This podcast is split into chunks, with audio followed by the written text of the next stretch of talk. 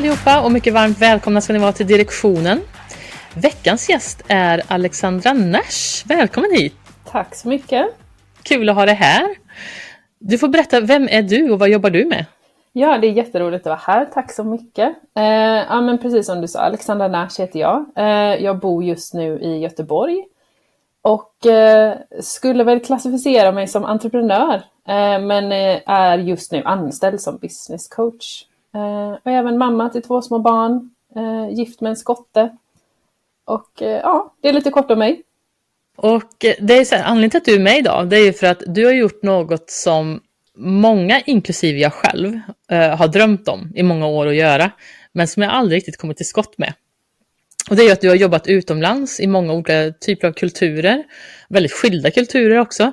Och, eh, och du har fått med dig många olika erfarenheter omkring hur arbetslivet kan se ut i olika länder helt enkelt. Och, så kan inte du berätta om din karriär och, och vart den har tagit dig så att säga? Ja, ja men precis. Det har ju varit lite olika eh, i, de, i de olika länderna. Eh, jag har jobbat i USA bland annat eh, och där var jag anställd i ett amerikanskt bolag. Mm. Eh, sen så har jag även bott och jobbat i Kroatien. Eh, men där så jobbade jag med mitt eget konsultbolag eh, som var registrerat i Sverige då. Och sen så var jag även mm. en sväng i Australien eh, där jag hade med mig mitt eget produktbolag egentligen. Eh, men eh, började också en PhD, en doktorandtjänst. Mm.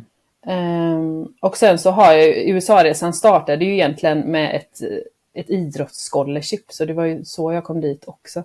Det är inte om det räknas som en karriär, okay. kanske inte en arbetskarriär. Men... Vad, vad, vad är det för typ av eh, idrott? Simning. Mm mm, så det var så jag flyttade egentligen iväg som väldigt ung. Jag var ju ja, 18-19 år. Så jag flyttade direkt hemifrån, till, eh, hemifrån mamma till USA. Ja, just det. Mm. Det måste varit en stor omställning. Ja, det var det. Eh, det var nog den största omställningen av dem alla, tror jag. Ehm, jag var väldigt van vid liksom the Swedish way och insåg ganska snabbt att det var en större kulturchock än vad jag trodde att flytta till USA. Ehm, mm. Man tänker ju ändå att det är lite ungefär lika, men desto mer och mer jag bor på olika ställen så inser jag hur mycket mer Alltså vi är ju lika i liksom mycket värderingar och så, men sättet som vi lever är ofta mer olika än vad man, vad man faktiskt tror.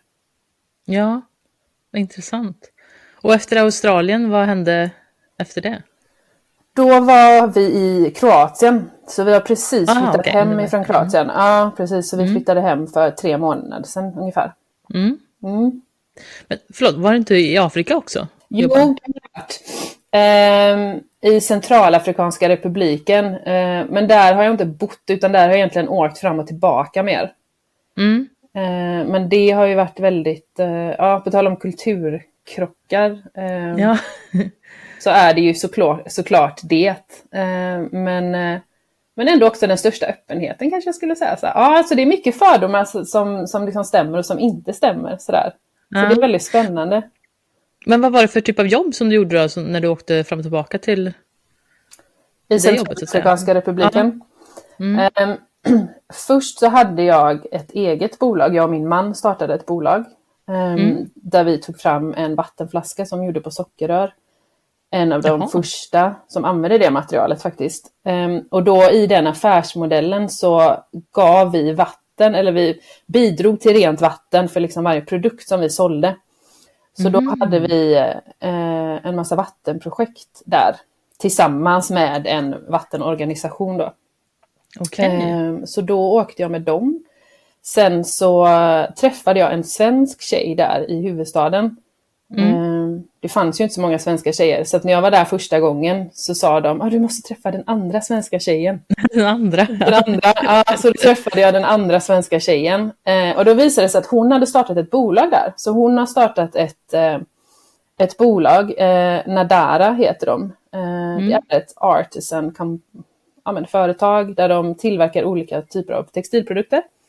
Mm. Väskor, eh, necessärer, eh, passhållare, plånböcker. Mm. Eh, och så skeppar de det till ja, men egentligen hela världen nu. De har öppnat en egen webbshop. Okay, så det är 14 det stycken anställda. Ja, så jag eh, har hjälpt till där. Eh, och hjälper till med olika ja, med grejer fram och tillbaka. Ja, men det, det låter som att det borde vara den största kulturchocken just i det landet jämfört med Sverige så sätt. Att det, kan du berätta lite grann om så här, hur, märk, hur märks det till exempel om man ska göra affärer i en sån typ av kultur? Är det någon skillnad? Ja, där är det ju väldigt stor skillnad. Um, mm. Nu lutar jag ju mig tillbaka mycket på Charlotte då, den andra svenska tjejen som faktiskt är uppväxt där. Okay. um, så att vill du ha en liksom in lång konversation om det så kan jag verkligen varmt rekommendera um, uh. hennes take på det. Men just där är det väldigt speciellt för det finns ju inga strukturer och inga, men bankerna, det finns inga banker direkt som fungerar.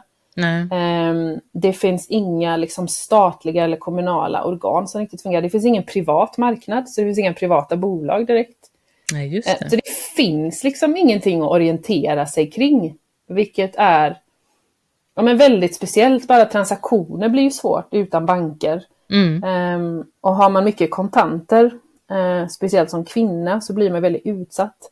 Så mm. att um, en stor del av den här affärsmodellen är att vi hjälper till att spara pengar åt dem exempelvis. Vi måste ju lösa det de just inte det. använder från sin lön på något sätt. Ja, just det. Um, så sånt tänker man ju inte på i en, i en vanlig, alltså inom citationstecken, kontext. Nej, det tänker vi inte på man ska starta ett bolag, att eh, jag ska se till att eh, kunderna kan spara sina, sina, sitt kapital också och försöka lösa det på något sätt. Nej, det är lite annorlunda, helt klart. Ja, men precis. Sen är det ju säkerhetsaspekten också, självklart. Mm. Um, man får ju alltid ha med sig det att när som helst så kan det hända någonting. Mm. Um, så att alla har en, uh, liksom en exitplan och vet hur man ska ta sig därifrån och vad man ska göra med grejer och sådär ifall det skulle... Men vad, vad, hur är det att vara i så... Visst var du med din familj där också och det hände faktiskt en incident? Ja, nej, jag var inte med min familj. De nej, har okay. faktiskt inte tagit dit än. okay. um, jag, jag, det är planen om kanske två år. Ja. Eh, så ska jag försöka ta med dem dit. Jag har inte riktigt vågat det ännu.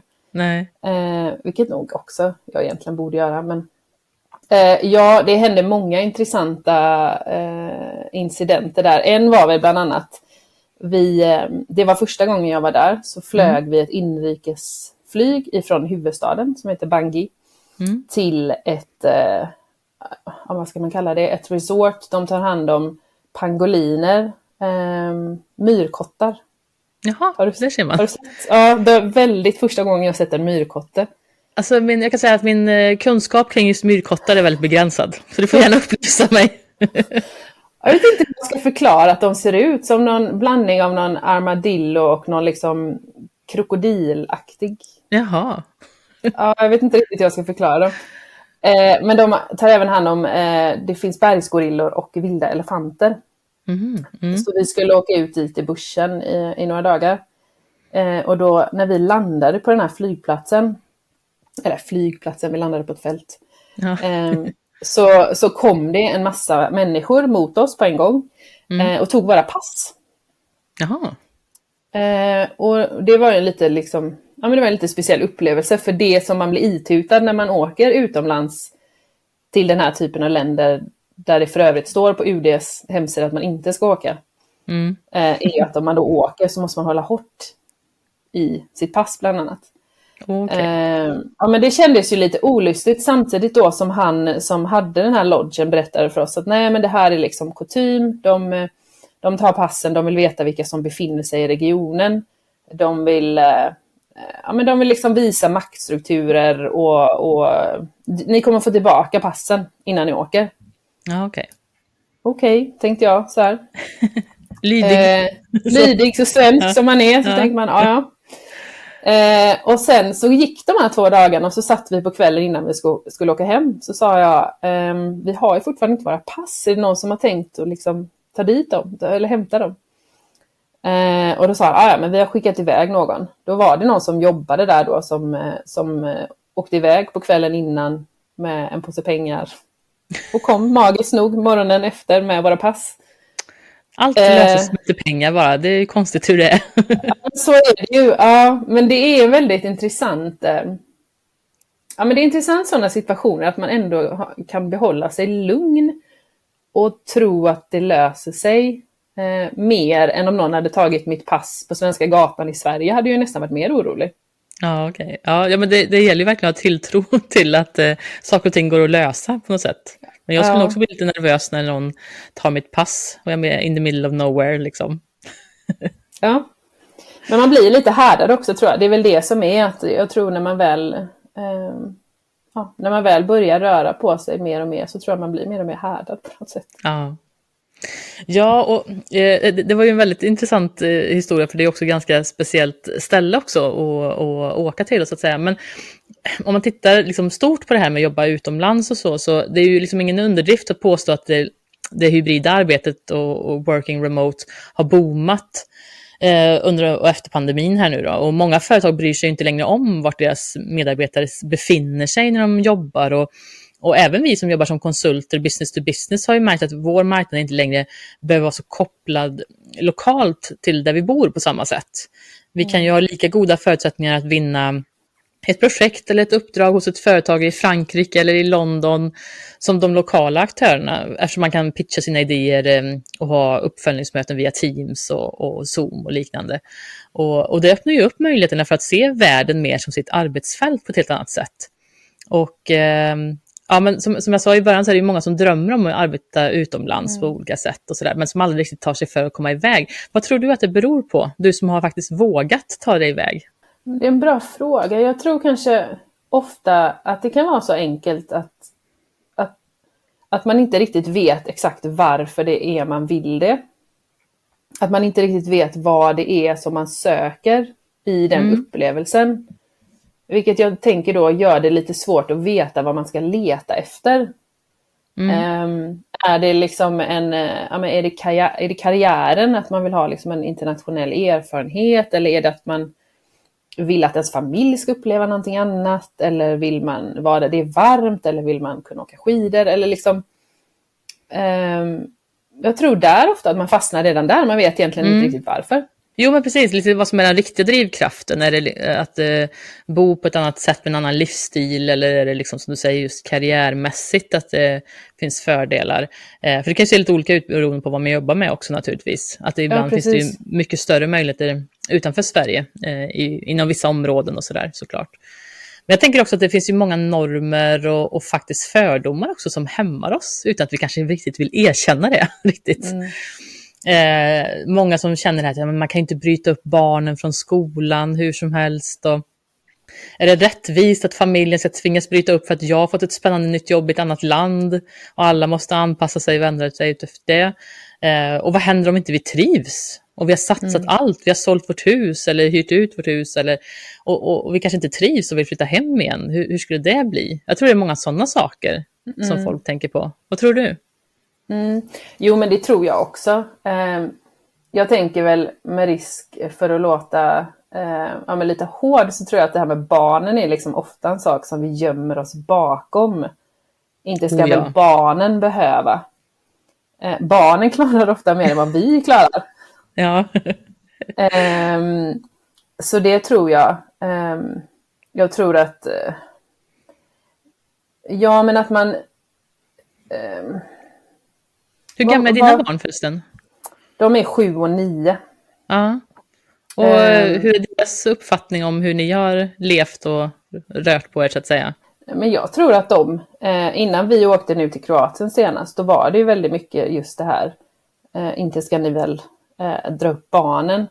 Eh, den tankelopen som jag tror att vi ofta gör är ju dock att vi, vi förutsätter ju att där vi är nu aldrig kommer ha några problem. Just det. Så att liksom, ja, okej, tänk om barnen inte trivs i skolan. Ja, fast det är väl ingen garanti, äh, garanti att när äh, ditt barn börjar femman nästa år, att de kommer... Vad, vad är det som gör att vi tror Nej, att precis. allting kommer vara bra där vi är? Mm. Eh, det tycker jag är en fascinerande liksom, tanke som kan vara, vara bra att fundera kring. Ja. ja, för det är väl just det att man värderar det man har. Det är ju en sån här välkänd bias, jag kommer inte ihåg vad den heter, eh, men liksom att det man har i besittning, det värderar man alltid mer än det man eventuellt skulle kunna få, så att säga. Att det är lätt att fastna i det tänket, att det här är höjden av vad vi kan åstadkomma just nu, det kommer inte bli bättre än så här ungefär. Ja, men precis, och jag tänker det här med att, uh, ja men vad händer om vi inte trivs? Ofta så är det ju bara att flytta tillbaka. Um, mm för den tanken har slagit mig många gånger. Eh, jag bodde i USA i åtta år. Eh, mm. Och i Kroatien så bodde vi knappt ett och ett halvt år. Eh, men exempelvis båda de gångerna när jag kom tillbaka hit till Göteborg så tänkte jag så här, men gud, allt är ju precis likadant som innan. Ja. jag vet inte, det är också en sån tankegrej, jag vet inte vad det är vi tror som kommer förändras så extremt mycket. Nej. Eh, men, när vi är borta. Nej men precis, men hur var det i USA då? Vad, vad hade du för typ av jobb där och eh, hur såg livet ut där? Eh, där var jag när jag väl arbetade då i slutet eh, av de åren efter jag hade studerat. Mm. Då jobbade jag i shippingindustrin. Mm. Eh, som är container, eh, ex, exportcontainer mellan USA och Mellanöstern och Asien egentligen. Eh, så det var ju väldigt speciellt. Vi jobbade, jag jobbade i Kalifornien, i Long Beach och Oakland med de hamnarna mm. där. Och sen så var det ju mitt under finanskrisen då, så det var en väldigt speciell tid de mm. flesta mm. shippingbolagen flyttade till Arizona. Eh, mm. Vilket känns lite konstigt för det var väldigt långt från vattnet. Men det var billigt ja. då. ja, okay. eh, så, dit, så vi flyttade dit under den tiden då, under 2008. Mm. Eh, men det var, ja hur var det? Ehm, det var mycket jobb. Mm. Eh, men det var också mycket liv eh, på något sätt. Mm. Ehm, Visst, man hade mindre ledigt, alltså i kvantitet. Mm. Men jag upplevde ändå att människorna levde mer eh, däremellan. Mm. Vad intressant. Eh. Hur, hur menar du då, liksom, om du jämför, vad, vad, menar du med levde mer för den tiden som var fritid, så att säga? Vad, vad menar du då? Eh, man gjorde mer, liksom. man gick ut på tisdagar och torsdagar och man samlades liksom, hemma hos någon, åt middag, grillade. Um, man kunde gå ut och gå på en bio eller kolla på någon föreställning. Eller det var liksom inte så att allting sparades till helgen och semestern. Antagligen för att man visste att man inte hade så mycket helg och semester. Nej, just det. Eh, så det är väl på gott, på gott och ont. Men jag upplevde att liksom, bulken av livet var mer fyllt med roliga saker och att man inte sparade det på samma sätt. Mm. Eh, det tyckte jag väldigt mycket om faktiskt. Mm. Ja, och det, det, där är, om, man, om man generaliserar lite grann så, så är det väl mycket så att vi, vi svenskar tenderar till att vi har inte så mycket mer än ja, aktiviteter för barn och, och, och liksom, eh, ja, olika typer av idrott och aktiviteter, träningar och sånt där vi ska göra på under veckorna. Men vi ofta sparar det här sociala umgänget till helgerna eller till semestern eller vad det nu kan vara för någonting. Eh, och det där har jag tänkt på lite grann, att det, det där jag tror inte att det är så nyttigt att leva Nej. så faktiskt. Att få en balans mellan eh, yrkesliv. Jag älskar ju också att jobba och kan jobba väldigt mycket. Men det är viktigt också att få den här balansen i att det sociala livet känns lättillgängligt och trevligt att det ger energi och inte tar energi. Att mm. det inte behöver vara de här eh, välarrangerade middagarna, utan det kan vara lite enkelt ibland också. Mm. När, och det beror lite grann också på hur man bor och så kan jag tycka, för att det av alla, jag har flyttat många gånger i mitt liv, eh, men inom Sverige då. Eh, mm. Men det är egentligen den enda gången som jag hade så här, nej, jag har två ställen som jag har bott på som jag hade riktigt så här rikt socialt liv hemma, alltså runt hemmet om man säger så, i vardagen. Mm. Det var dels när jag bodde på Söder i Stockholm, då tyckte alla att det var lätt att komma förbi, så att säga, man var lättillgänglig liksom så sätt, um, på väg till mm. eller från jobbet eller sådär. Men också när jag bodde i Karlstad så hade jag eh, två kompisar som bodde nära mig i det bostadsområdet där vi bodde. Så att det var liksom, man kunde bara gå över parkeringen i stort sett över till sin kompis och då kunde det vara en tisdag när vi satt och åt falukorv och makaroner tillsammans och bara umgicks och tog en, ett glas vin sen på kvällen innan ungarna skulle gå och lägga sig. Liksom. Och sen så ja, hade vi umgåtts för den dagen. Liksom. Mm. Och, och det, det, tycker jag är väldigt eh, det är någonting som jag, tycker, som jag verkligen uppskattar, den här vardagliga lunken och, och sociala eh, det enkelheten i att umgås under vardagar och att allt inte ska pressas in just på helgen när du ska vara ledig, utan man ändå har energi och ork till att umgås på kvällarna i vardagen. Mm.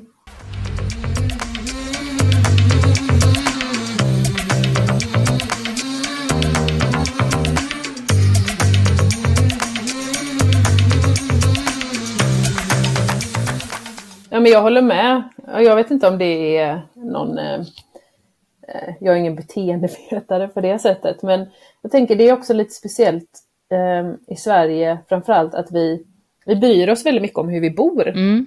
Eh, kanske lite på grund av klimat och så kan jag tänka mig att vi spenderar mycket tid Mm. hemma och säkert också på priser och sånt. Det är ganska dyrt att gå ut Mm. jämfört med många andra länder. Men att det då blir liksom lite status vad man vågar visa upp och vad man inte vågar visa upp i sitt hem. Ja, just det. Ehm, att man inte riktigt vågar sänka ribban. Och då blir det ju väldigt jobbigt att folk ska komma över. Mm. Om det hela tiden ska vara nystädat och man ska servera någon slags ja, men lyxmat. Mm. Ja, prestigen blir väldigt jag. eh, hög där. Men eh, eh, som sagt, eh, jag, tror att det handlar lite grann också om lite grann konstellationen, vilka, vilka människor har man runt sig där man bor så det blir enkelt. Så att, jag, menar, i jag bor ju i Stockholm och ibland kan det kännas väldigt långt att åka ifrån Nacka till Bromma om man är trött och seg och ska ge sig iväg. Ja. Alltså egentligen så är det ju inte så himla lång tid med, med buss eller, eller liksom tvärbana. Det går ganska snabbt och man får ju också energi av att träffa andra människor. Men det är lätt när, särskilt nu den här tiden, eh, när vi precis haft snöoväder här i Stockholm också, så då är det ju e- extra lätt att känna att det är skönt att sitta inomhus och inte röra sig någonstans. Men vi, vi, det är ju lite så, vi, den här tiden på året så, så har vi en tendens till att stänga in oss. Man ser ju inte grannarna mellan, ja, november fram till typ mars. Då ser man ju inga grannar i stort sett, för alla sitter inne. Och det, och det ser ju annorlunda ut. Så det, jag tänker, jag tänker mig att det påverkar mycket mm, den här balansen mellan eh, jobb och privatliv faktiskt på ett positivt sätt, även om man faktiskt jobbar fler timmar som du pratade om i, i just när du Ja. jobbade i USA. Då. Nej men jag tror det, att man inte bara kan, eh, liksom om man ska titta på välmående och en kultur, att man inte bara kan titta på hårda siffror, liksom, hur många veckors semester har. Självklart så ska man ha de rättigheterna också. Mm. Men att det, det är ändå någonting annat som jag tror är viktigt också, hur man lever livet i stort, Mm. eh, som är en viktig aspekt att ha med sig. Ehm, och det såg man väl mycket under pandemin, som exempel. Ja men verkligen. Man hade väl ganska mycket fritid däremellan eftersom det var mycket saker man slapp. Men jag vet inte om jag skulle klassificera oss som lyckligare människor under pandemin. Nej, det kanske inte blir. Men vi fick i alla fall lite perspektiv på det och se hur vi kunde använda oss av vår tid på ett lite mer effektivt sätt många gånger. Men också faktiskt hur det, kan, hur det isolerar oss också. För jag tror att det mm, ganska stor skillnad på om man var familj och hade barn som hade aktiviteter Verkligen. eller kompisar i alla fall och lite sådär. Eller om man eh, var ensamstående eller liksom eh, singel eller äldre, att man inte alls, jag umgicks nästan inte med någon under pandemin eh, överhuvudtaget i stort Nej. sett. Så att eh, det, det, det blir lite annorlunda helt klart. Men, Ja, men om vi tittar på själva arbetsplatserna då, eh, som du har varit på. Mm. När har du märkt störst skillnad på kultur på en arbetsplats? Eh, har du några roliga anekdoter på lager från eh, när det har blivit lite konstigt för man har, sett på saker på lite olika sätt? Ja, ehm, mest arbetsplatser som jag var på var ju i eh, USA. Det är väl det jag kan jämföra med, med, med mest, där jag har haft en anställning så i landet. Mm.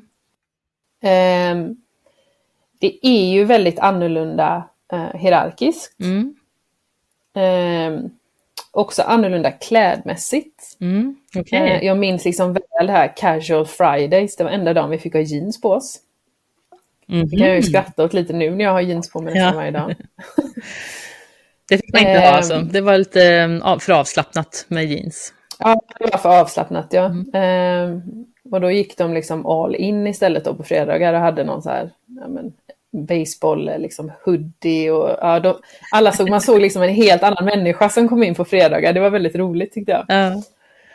Ehm, så det var mycket. Med kläder vet jag att jag, att jag funderade på mycket. Det var, mm, ja men våran receptionist blev tillsagd ganska många gånger av våran chef, liksom vad hon hade på sig, om det var Mhm. för urringat eller för öppet eller liksom sådär. Ja, okej. Ehm, vilket är lite intressant som, som svensk tjej så, ja, så har man ju ändå något jämlikt inbyggt i sig. Mm. Att man ska kunna få vara sig själv på sin arbetsplats, självklart. Just det. Man ska följa. Ja. Eh, så det var, det var ju väldigt intressant. Sen så är det ju också, eh, eftersom jag jobbade under finanskrisen så var det ju väldigt många uppsägningar. Mm. Eh, Och det är ju väldigt inhumant. Eh, Jag var med och sa upp ett helt kontor i San Francisco. Mm. Och då var det ju, eh, vi fick eh, två stycken säkerhetsvakter. Mm.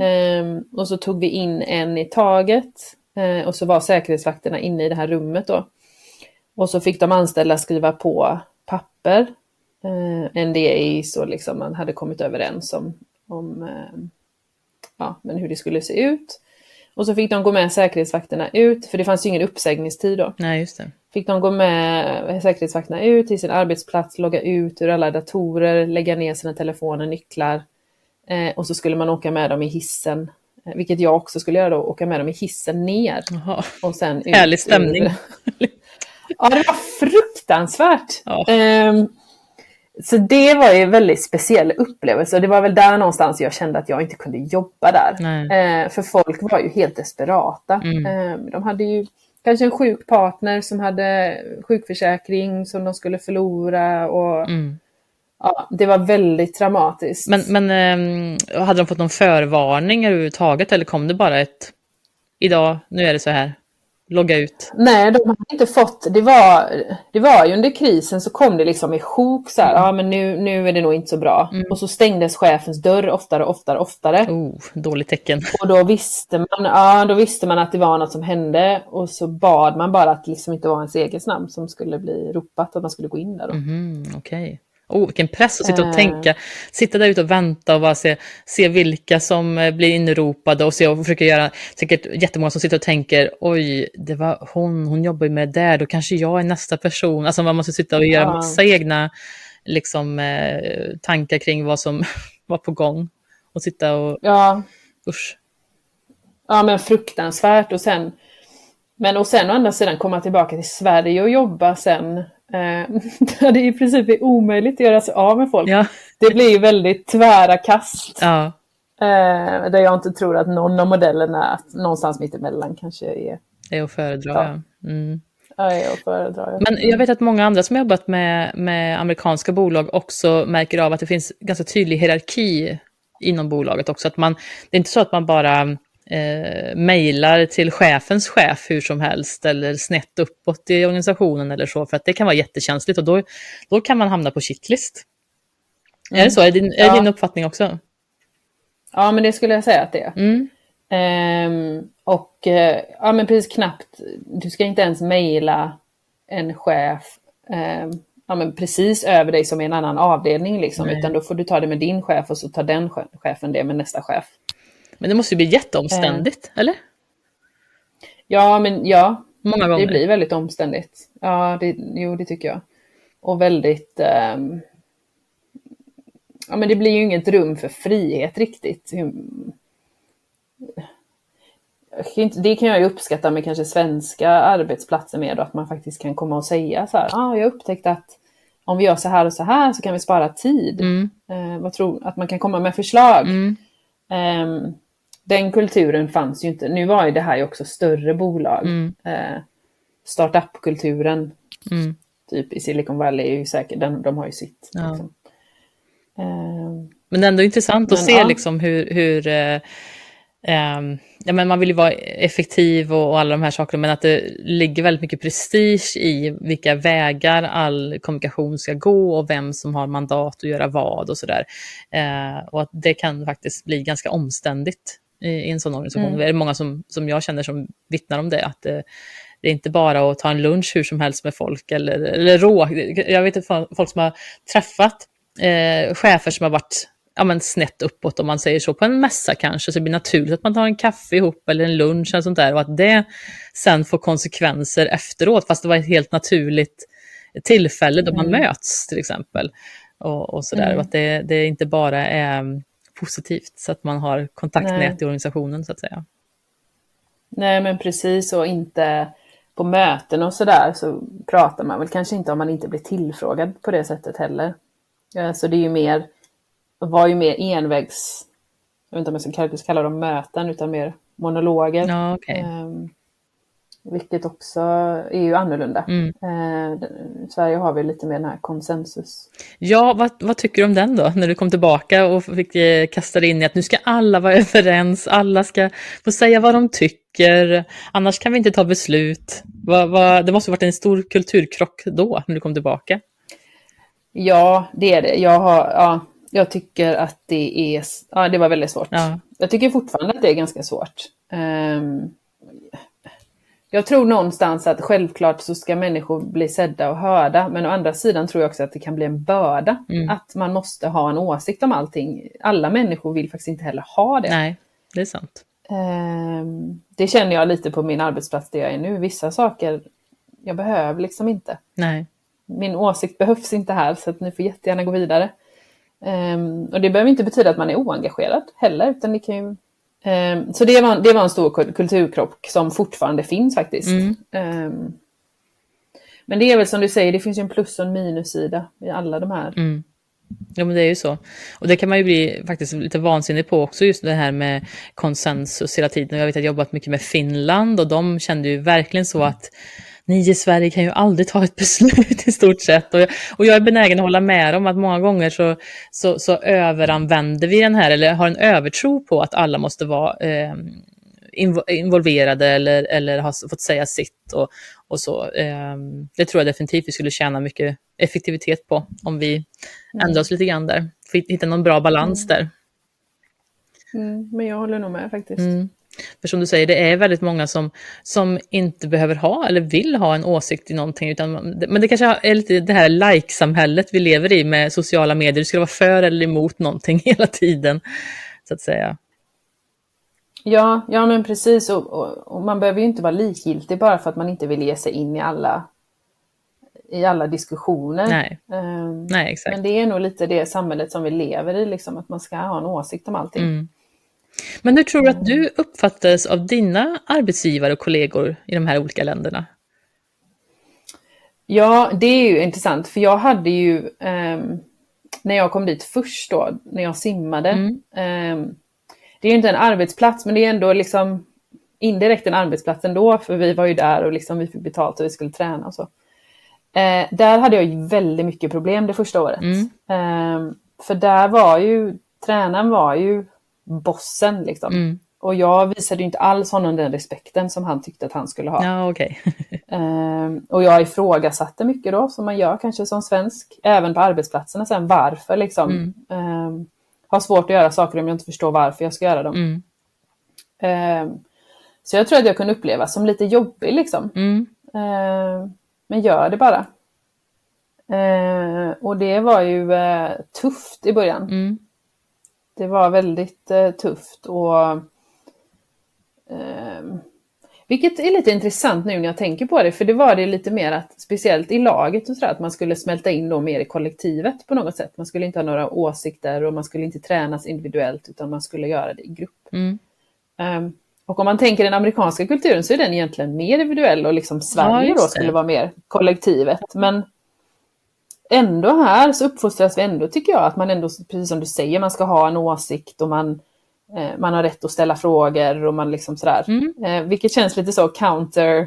Ja, ehm, så att jag upplevde, men jag upplevde det också som väldigt självständig tror jag. mm. Eh, självständig och lite jobbig. Ja. Jag vet inte om det är en bra beskrivning.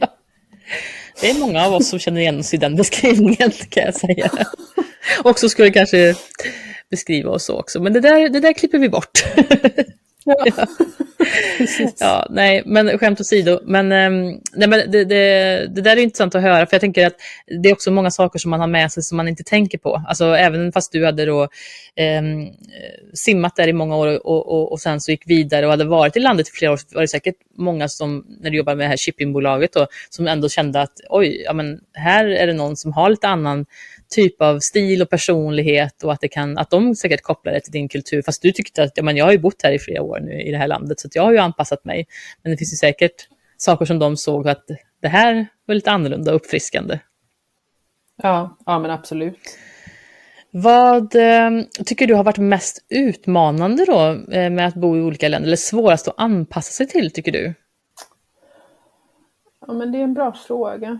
Ehm, det har ju varierat lite. Mm. Ehm, det som egentligen som, som går, jag menar, återkommer lite är väl det här att, att, att alla gånger när jag har flyttat så har jag aldrig tagit ett definitivt beslut att nu ska jag flytta hit, vilket gör att jag har haft banden kvar på båda ställena. Just det. Mm. Ehm, och allt vad det innebär. Em- Emotionellt så kommer man ju alltid ha det, men jag menar mer eh, liksom praktiskt administrativt. Mm. Allt sånt har varit, eh, är lite krångligt. Ja, hur funkar det? Man ska flytta bankkonton och eh, Ja, ID-papper och allting sånt där. Visum kanske på vissa ställen och, och allting. Ja, men precis, det är ju lite krångligt och så nu när vi har barn då, liksom har tre nationaliteter och vilka pass ska man ha var? Mm. Ska man ha alla passen? Eh, ID-kort och bank, var ska man betala skatt? Ja, Hur länge får man vara utanför Sverige? Ja, hur länge får man vara utanför Sverige innan man blir beskattad i det andra landet? Mm. Men ändå måste betala. Hur mycket får man äga i Sverige Mm. om man inte vill bli beskattad här, om man bor någon annanstans? Just det. Eh, Det är också en sån grej, liksom, om- på tal om om man ska behålla huset och hyra ut det eller om man ska sälja huset. Mm. Det är nog det som är mest utmanande. För flyttar man helt, då släpper man ju allt och så liksom kör man Ja. på det landet som man ja, flyttar till. Mm. Eh, Men det har ju varit lite krångligt. Mm. Eh, Men det går ju att lösa. Eh, Det gäller ju bara att ta ett, ett steg i taget. Mm. Men det kan vara lite rörigt, ja. Mm. Hur var det i Kroatien då? När, när det, var det mycket hårt jobb där också, långa dagar? Eller hur såg det ut där rent eh, yrkesmässigt när du jobbade? Eller när ni jobbade rättare sagt. Ja, eh, där var jag ju inte anställd på samma sätt utan jag Nej. jobbade ju mitt eget. Mm. Ehm, där skulle jag väl säga mer att det är de flesta jobben, alltså tjänstemannajobben, Mm. är ju i Zagreb, i huvudstaden. Mm. Annars är det mycket inom turism och jordbruk ehm, och liksom detalj, ja, men kon, konsument, detaljhandel eh, och sådär. Så det finns ju inte så jättemycket jobb. Nej. Ehm, I ett land som krymper också. Det är mer folk som flyttar ut hela tiden än som flyttar in. Ja, det hade jag faktiskt inte koll på. Ja. Ja, så det, de gjorde en ny census nu, nu när vi var där och då var det nästan en halv miljon Oj. de senaste tio åren. Så det är många som flyttar därifrån. Mm. Mm. Men hur var det att leva där då? Var det inget trevligt land att bo i? Eller? Jo, eh, jag är ju från, jag är halvkroat och halvsvensk. Just det. Så vi hade ju ett hus där nere redan Mm. som vi bodde i då. Ehm, jo men det är jättetrevligt. Semestermässigt så är det ju väldigt trevligt. Eh, alltså det är ju vack- fantastiskt vackert. Mm. Ehm, både liksom vid havet och i inlandet med alla berg och alla träd och sådär. Ehm, administrativt, ja, lite knöligt. Mm. Eh, väldigt analogt. Eh, väldigt... kvinnor har ju fortfarande inte jättestatus. Eh, tyvärr. Eh, så att oftast när jag och min man gick någonstans, han pratar ju inte kroatiska Nej. och jag pratar kroatiska. Ja. Eh, men personer fortsätter att prata med honom. De Aha, tittar på honom, okej. Mm. men jag pratar. Ah. Eh, och mycket sånt Mm. hela tiden. Vilket jag inte trodde skulle tära på mig, men jag har ju mina barn, det är ju döttrar båda två. Mm. Det var rätt jobbigt efter ett tag faktiskt. Ja, kan tänka mig det. Och hela tiden inte få... Vårt visum exempelvis skulle stå på honom, inte på mig. Mhm. Eh, Då är jag ändå kroat och han är inte kroat. Ja, det är också lite konstigt, intressant.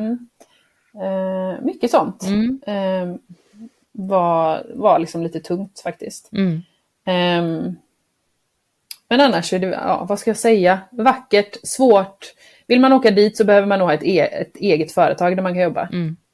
Just Svårt att hitta arbete där Ja. skulle jag säga, som betalar någonting som du, som du är van vid Mm. om du kommer från något nordeuropeiskt land. Ja, okej. Mm.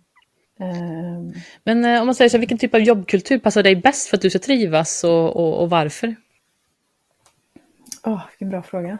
Ehm, jag gillar ju, ehm, eftersom jag är entreprenör lite in i själen, Mm. så, så tycker jag om ett klimat där det är liksom, ja, men där det är mycket liv och liksom finns rum för innovation och det finns rum för eh, ja, men idéer på något sätt. Mm. Ehm, men ändå en tydlighet att man faktiskt får vara den positionen som, som man är. Liksom. Om, man, om man är grundare så får man vara grundare, om man är chef så får man vara chef. Mm. Ehm, att man inte hela tiden ska behöva liksom kunna vara på alla nivåer samtidigt lite, ehm, som jag upplever att det är i vissa kulturer. Mm.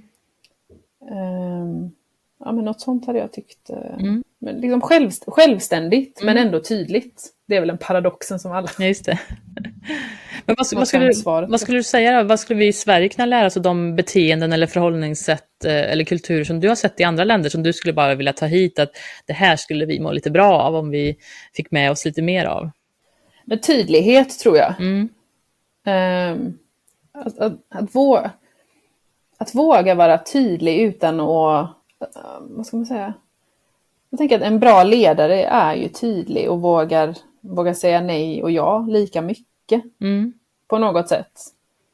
Um, jag tror att vi hade mått bättre av det. Um, för jag upplever lite att det nästan blir lite ledarlöst. Just det. Um, och på det sättet så läggs det ju faktiskt väldigt stor tyngd på anställda, att man på något sätt ska kunna ledas. Desto mindre ledare ledaren mm. kan vara, desto mer ledare måste man ju vara själv. Just det.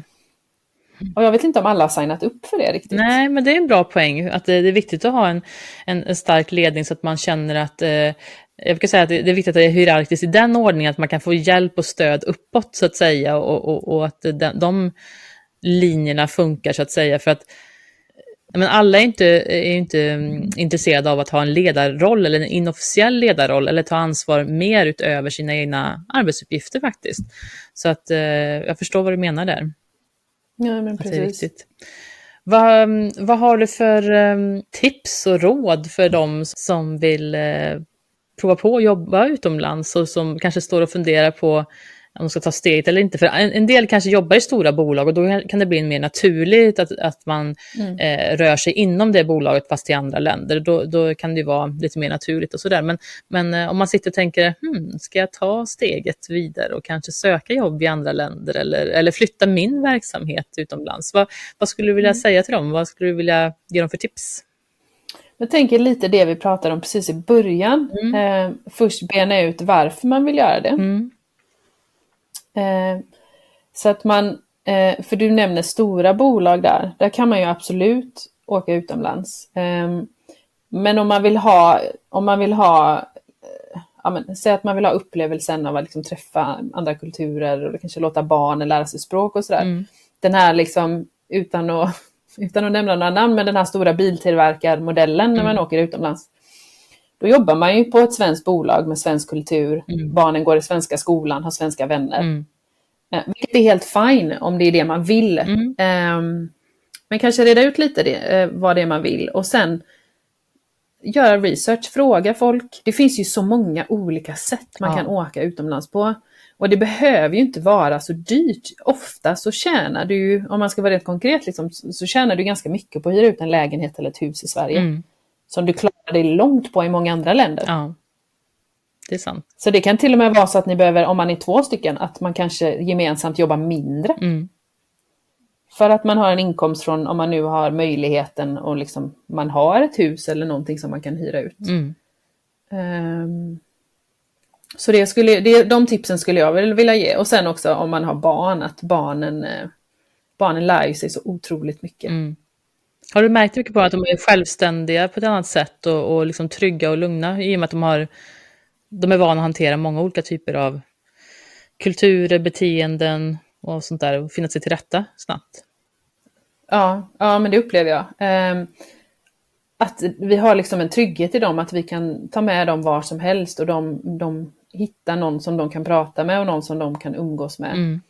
Uh, relativt enkelt, vilket gör dem väldigt flexibla, vilket gör vårat liv enklare.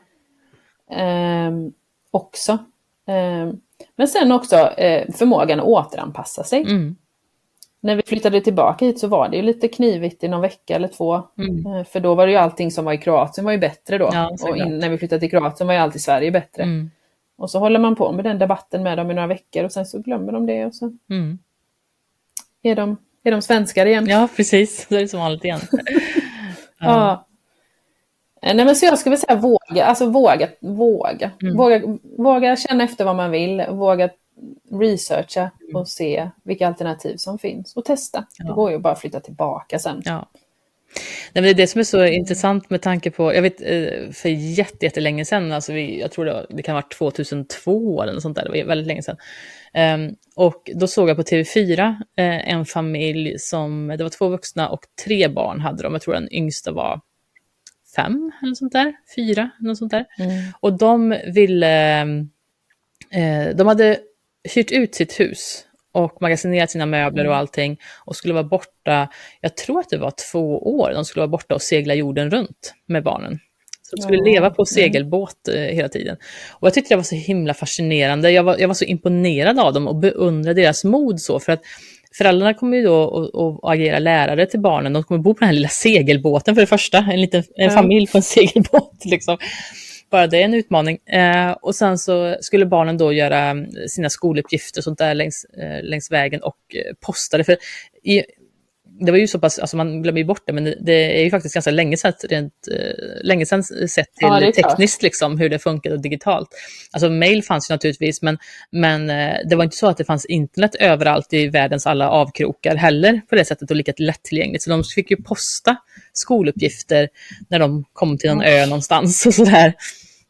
Men jag tyckte det var så beundransvärt hur den här familjen eh, vågade göra en sån sak. Idag är det inte så jättestor grej om man ska vara helt ärlig, när, när någon säger att ja, men vi provar och bor i Thailand ett halvår eller något sånt där. Så det är ändå mm. ganska många som gör den här typen av, eh, eh ja men provar och, och, och bor någonstans ett tag och så. Och det finns de digitala möjligheterna och, och arbetsmöjligheterna till att göra det. Om man har företag till exempel och, och även om man är egen företagare. Eh, men eh, på den tiden var det ju verkligen ett jätte, jätteprojekt. Det var ju ja. väldigt ovanligt. Så jag tyckte det var så himla häftigt. Jag blev så inspirerad av dem, att de vågade, att de följde sina drömmar och faktiskt inte fastnade i den här fyrkantiga normen som vi oftast liksom målar upp för oss själva. Utan vågade göra mm. det som, de, som var deras dröm. Så att eh, ja, de inspirerar verkligen mig. Mm. Vad häftigt. Ja, och jag menar man lär i en sån situation så lär man sig så mycket saker som man aldrig hade kunnat lära sig på en skolbänk eller Nej, på en precis. arbetsplats på det sättet. Och vilka relationer mm. man får till varandra som familj. Man upplever något sånt här tillsammans och barnen lär sig om världen som de läser om i skolan så att säga. Uh, också. Ja, men jag tror, jag vet inte om det har lite med att göra att, att, att vi också kan vara ganska rädda alltså mig själv inkluderat ibland, men man är rädd för att ta en paus från någonting mm. för man tror att det inte finns en fortsättning på andra sidan. Ja, liksom. mm. Om jag hoppar av skolan eller jag hoppar av jobbet eller då finns det liksom det är ju bara att hoppa på, det är lika, mm. kanske inte riktigt lika lätt alltid hoppa på som hoppa av, men det går ju. Mm. att hoppa på igen och jag tror inte man ska vara så rädd för den där pausen. Nej. Nej, allting leder ju till någonting, nya erfarenheter och mm. insikter. Så är det ju. Ja, precis. Mm. Ja, men vad intressant. Eh, tack snälla Alexandra för att du kom hit och pratade med mig om att eh, och diskuterade det här med att våga bryta normer och, och våga satsa och, och, prova och jobba inom andra kulturer och, och ta, faktiskt också våga ta med sig familj och barn också på resan. Ja, men tack så jättemycket för att jag fick prata om det en stund. Ja, jättekul. Eh, och tack alla lyssnare för att ni var med oss idag. Om eh, några veckor, eller om några veckor säger jag, om två veckor är vi tillbaka med ännu ett avsnitt av Direktionen. Ha det så bra så länge och tack för idag. Hej då!